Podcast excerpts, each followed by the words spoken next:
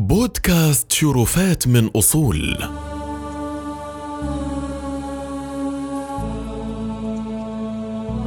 هذه الحلقة مأخوذة عن كتاب رحلة إلى مكة لمراد هوفمان. وقد اختصرت وعدلت بما يتناسب ومقتضيات الإنتاج الصوتي.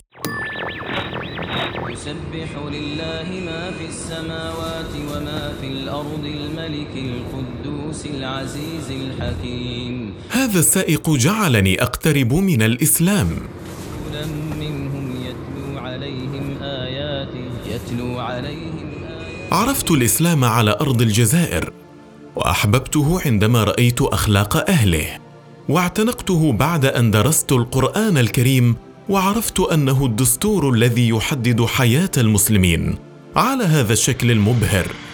كنت قد وصلت إلى الجزائر سفيرا لدولة ألمانيا عام 1961 للميلاد. ووجدت نفسي وسط حرب دامية بين القوات الفرنسية وجبهة التحرير الوطنية التي كانت تقاتل من أجل استقلال الجزائر.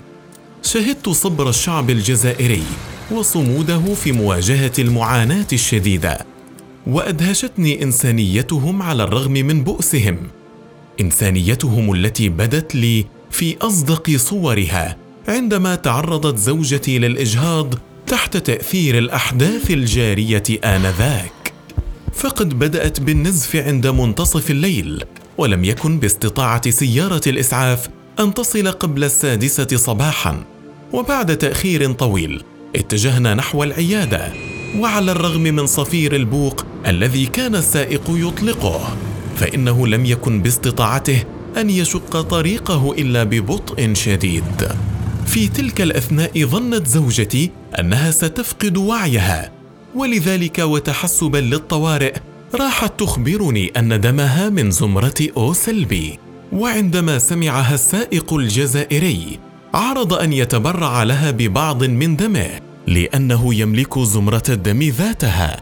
وسألت نفسي حينها ما الذي يدفع هذا الرجل إلى التبرع بدمه لينقذ أجنبية على غير دينه؟